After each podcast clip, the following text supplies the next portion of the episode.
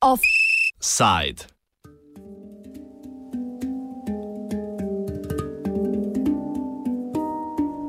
Indijska veleustaja.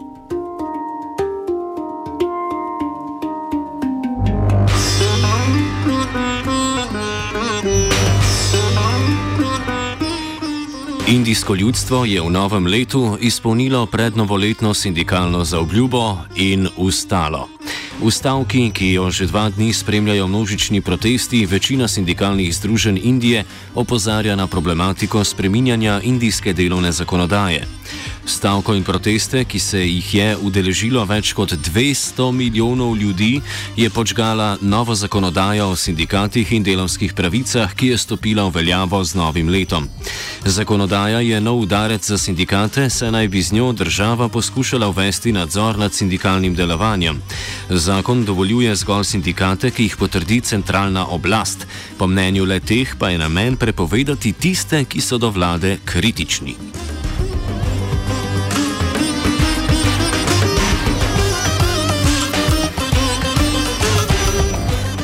Proteste in stavke je dodatno počgala slaba gospodarska slika v Indiji, ki se bori z nizko gospodarsko rastjo in najvišjo brezposelnostjo v desetletju. Lani je bilo v državi na voljo kar 10 milijonov delovnih mest manj, kljub napovedim predsednika vlade Narendre Modija, da bo vlada letno ustvarila 20 milijonov novih služb. Stavkajočim so se pridružili tudi kmetje, ki, se, ki so sicer na ulicah, ki se sicer na ulicah že več kot ki so sicer na ulicah že več kot šest mesecev. Od vlade zahtevajo rešitve za krizo, v kateri se je znašlo indijsko kmetijstvo. Po njihovih besedah suša, izpadi pridelkov in huda dolžniška kriza povzročajo neuzdržno situacijo, ki je med kmečkim prebivalstvom sprožila val samomorov. Vlado obtožujejo, da ne izpolnjuje predvolilnih obljub kmetom o varovanju indijskih pridelkov in pridelovalcev. Po njihovem mnenju se je tudi zdajšnja vlada postavila na stran velikih kmetijskih koncernov in izvoznikov, ki si romašijo lokalne manjše pridelovalce. Ozadje protestov pojasnjuje strokovnjak za indijsko politično ekonomijo in predavatelj na univerzi v Coventryju Bhabani Naik. I think it's not just um, the trade unions, the farmers, uh, the students, the central government employees, the bank employees. The entire working class of India, they're fighting against this Modi government and its neoliberal economic policies. Particularly, Modi government is implementing policies which are de- detrimental to the workers, to detrimental to the interest of the farmers, detrimental to the interest of the um, employees, detrimental to the you know working class population in in particular. So therefore, there was a mass strike for last two days. Uh, it is one of the biggest strike against this Modi government, and uh, this Modi government is trying to promote the interest of the corporates, whether it comes to the farm loan or farm insurance. Uh, this this government is for the corporations and big farmers. It, it is not concerned about the working class people. Stavka in protesti se dogajajo tik pred novimi parlamentarnimi volitvami, ki se bodo zgodile maja letos. Vladajoča stranka Bharatja Janata Party, poznata pod kratico BJP, je izgubila zadnje lokalne volitve v petih zvezdnih državah, v katerih je dosedaj uživala podporo.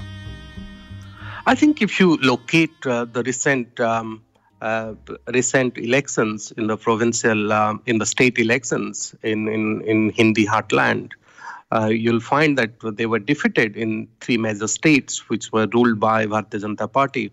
So um, it, we we expect people in India expect that this government is going to lose in a major way if the opposition party don't put um, if opposition parties put their you know head together. Glavno sporočilo trenutno vladajoče stranke o gospodarski rasti so močno spodkopali spodleteli poskusi gospodarskih reform, kot je bil poskus demoneti demonetizacije Iz obtoka so namreč potegnili kar 90 odstotkov bankovcev in jih nadomestili z novimi, ki pa so bili naprimer preveliki za večino bankomatov in v njih niso delovali. To je bil za precej neformalno gospodarstvo Indije, ki še vedno večinoma posluje gotovinsko, hud udarec. Phabani pojasnjuje politične razmere, v katerih se je zgodila stavka. You know, there is a background to it. When this Hindutva politics um, started, they were talking about nationalist economy. They were talking about, you know, um, promoting nationalist economic policies um, to uphold the interest of the general masses um, within India. But when they came to power in 2014 with absolute majority, now they were talk they're you know talking about nationalism, but in reality they follow the neoliberal economic uh, policies, promoting the market forces and uh, promoting the market forces, and they're particularly um, helping um, major corporations in India and major American and European corporations as well. Po njegovem mnenju vlada ne krši zgolj pravic sindikatov, ampak grobo posega v širšo civilno družbo v Indiji. They're basically um, trying to curtail the achievements of the um, Indian working class. They're trying to reduce the trade union rights. They're trying to reduce the minimum support price for the farmers. They're trying to reduce the subsidies for the you know uh, for the farmers. They're reducing the fellowships and scholarships for the students. There is no no employment. There is jobless economic growth in india. So it is not just you know um, the, the, attack on trade union politics. It is not just attack on uh, working class organized working class politics. Um, it is also about you know other sections of the society Šlo naj bi za nadaljevanje politik stranke Indijski nacionalni kongres, ki je pred volitvami 2014 skoraj 50 let vladala v Indiji. you think about um, the, the, the, the whole process, you will find that uh, the Congress party follows the, the, the, BJP, which is in power today, they follow the same economic policies as Congress party. So there is no difference between the economic policies of the Congress party and Bharatiya Janata Party, which is a Hindu uh, right-wing political party. So basically, uh, when it comes to economic policies, there is no difference between Indian National Congress and Bharatiya Janata Party. So uh, all the economic policies which was opposed by Bharatiya Janata Party during uh, the last government, during Manmohan Singh government, um, they're implementing the same policies. Take, for example, um, you know, GST, demonetization, or in, any other policies. All these policies they opposed. You know, foreign direct investment in in a retail sector, um, privatizing insurance, and so on. All these policies that BJP used to oppose, now they're defending same policies. Bhabani oziroma Bhabani še upa, da je protest znak širjenja delovskega gibanja in napoved močnejšega upora proti škodljivim politikam, ki bogatijo zgolj peščico v državi.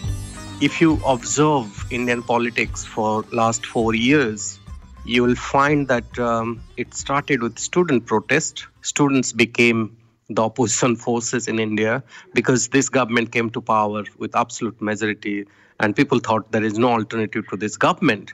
But by you know year four, we see that uh, there is a collective struggle against this government and its economic policies, its reactionary citizenship bill, which they're trying to pass in Lok Sabha, which is absolutely reactionary.